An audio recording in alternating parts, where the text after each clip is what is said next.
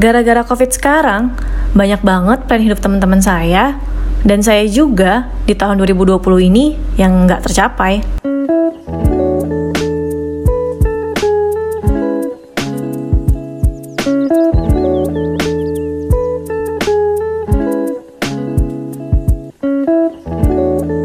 Udah nggak tercapai, berantakan, dan malah jadinya sering banget ngebuat kita marah tiba-tiba, sedih sendiri, dan suka bikin hidup nggak produktif. Setuju?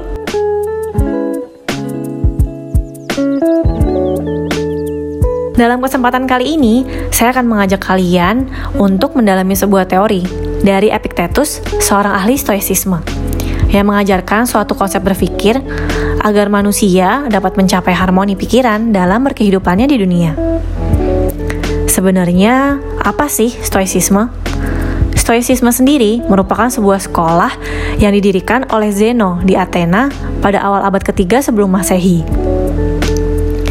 Stoicisme mengajarkan berbagai teori untuk seorang manusia agar dapat mencapai kebahagiaan seutuhnya. Dan salah satu ajarannya adalah hasil buah pemikiran dari Epictetus yang sekaligus murid dari sekolah tersebut.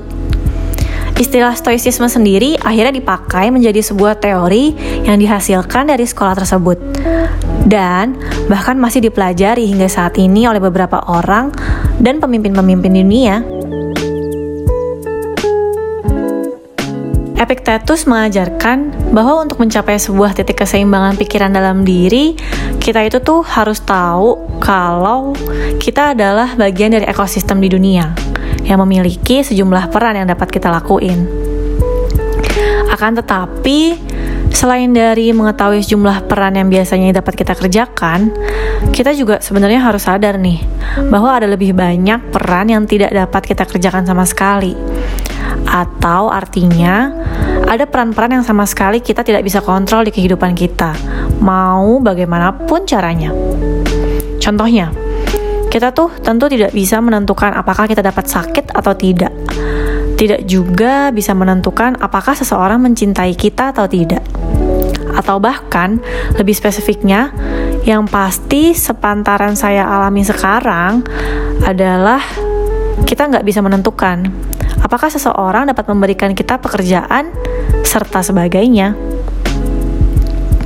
Tapi dari kenyataan tersebut perlu diingat nih bahwa bukan berarti kita itu benar-benar nggak mempunyai kemampuan untuk mengontrol apa pun.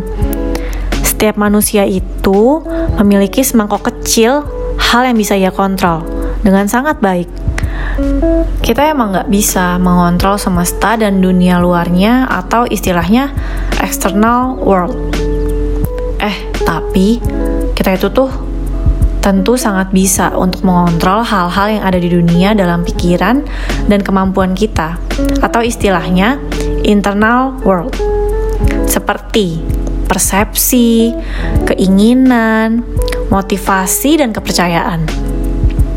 Kita emang nggak bisa mengontrol bagaimana dunia harus merespon kita, tapi kita sangatlah bisa untuk mengontrol bagaimana respon kita terhadap dunia. Alam semesta pada dasarnya telah hadir dengan segala wujud, kejadian, dan faktanya, yang secara langsung maupun nggak langsung membuat manusia dapat berpikir ketika menghadapinya. Dari proses berpikir inilah Akhirnya seorang manusia dapat menilai sebuah kejadian atau fakta yang sedang dihadapinya tersebut apakah hal itu baik atau buruk, berguna atau tidak, penting atau tidak penting, dan lain sebagainya. Alhasil, penilaian terhadap fakta tersebutlah yang dapat membuat manusia mampu menentukan bagaimana ia akan bertindak. Secara alamiah, setiap manusia akan mendekati hal yang dinilai olehnya sangat baik. Dan kalau sesuatunya itu buruk menurutnya, ya pasti dijauhinya. Lalu, bagaimana manusia menilai baik atau buruknya suatu hal? Epictetus memberikan sebuah analogi bahwa setiap manusia itu diberkahi oleh tiga buah palu untuk menilai atau menjudge suatu kejadian yang terjadi di dirinya atau di alam semesta. Tiga buah palu itu adalah virtue atau kebajikan, vice atau keburukan, dan indifference atau di luar dari virtue dan vice. Menurut Epictetus, virtue merupakan sebuah palu yang seseorang manusia gunakan karena menilai bahwa suatu kejadian atau fakta yang ada tersebut adalah baik dan bermanfaat untuknya. Sedangkan vice adalah hal-hal yang kita anggap tidak baik dan salah, serta Indifference merupakan hal-hal yang bisa kita pilih seperti uang dan tidak kita pilih seperti sakit. Meski secara alamiah kita bisa diberkahi tiga palu tersebut dalam pikiran kita, namun persoalan utamanya adalah apakah kita mampu menjudge dengan tepat mana yang baik atau yang buruk.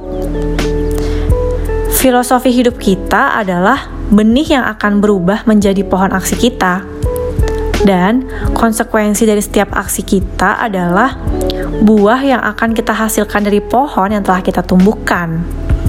Maka, pertanyaan selanjutnya, ketika kita sudah mampu menilai baik buruk suatu kejadian dengan tepat adalah apakah buah yang dihasilkan tersebut manis atau malah beracun bagi hidup kita? Apakah hal yang kita pikirkan hingga lakukan akan dapat memberi kita kehidupan? atau malah kematian. Dalam ilmu stoicisme, diajarkan bahwa tujuan dari hidup kita itu semata adalah hanya untuk menemukan, menciptakan, serta berhadapan dengan buah yang manis saja. Kenapa? Ya sederhana aja. Soalnya itulah hal yang dapat membuat kita hidup dalam harmoni dan keseimbangan. Lebih daripada itu, pohon berbuah manis tersebut pun akan selalu ada karena alam semesta menilai bahwa manusia sebagai makhluk hidup membutuhkan buah itu dan demi menjaga kestabilannya tadi. Akan tetapi, berbeda cerita dengan buah yang beracun. Coba deh, kalau kita makan buah tersebut, ya sudah pasti mati bukan? Dan lebih dari itu, Sifat alamiah juga pasti akan mendorong kita sebagai manusia untuk enggan menumbuh kembangkan pohonnya setelah mengetahui fakta itu. Ya kan? Lalu, bagaimana dengan respon alam semesta? Pohon tersebut tentu akan dihambat pertumbuhannya atau lambat laun akan punah. Karena gambaran gampangnya gini deh. Hewan-hewan yang umum berperan sebagai medium penyerbukan demi tumbuh kembangnya tanaman pun akan menjauhi pohon berbuah racun tersebut. Alam semesta, sekali lagi, akan secara alamiah menjaga keharmoniannya tetap dalam genggamannya. Dari cerita analogi tersebut, Epictetus secara umum mengajak kita nih untuk seperti tidak perlu marah atau mendekati hal-hal yang jelas nggak bermanfaat bagi kita. Karena pada akhirnya, hal-hal nggak bermanfaat tersebut akan hilang sendirinya dan mati dalam semesta seperti pohon berbuah racun tadi. Lalu, bagaimana kita dapat menemukan buah manis kita yang akan kita punyai tersebut? Ya, tentunya semua harus berasal dari bagaimana kita berhasil menilai dan menjudge suatu kejadian atau kenyataan dengan memanfaatkan ketiga palu kita tadi. Dan tentunya tepat. Suatu hal yang mendekat pada kebaikan atau virtue dan menghindari hal yang buruk atau vice itulah pohon berbuah manis tersebut.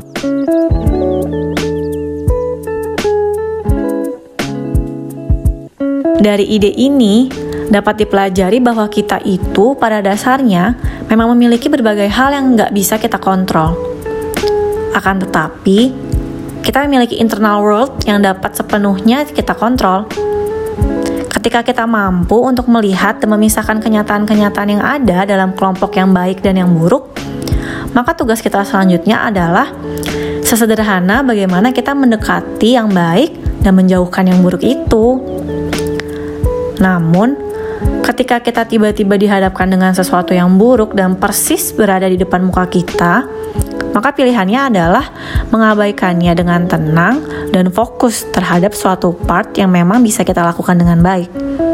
Epictetus mempertegas bahwa manusia pada hakikatnya tidaklah menderita karena suatu kejadian yang terjadi pada hidupnya, melainkan ia menderita karena penilaian atau judgementnya sendiri terhadap kejadian tersebut.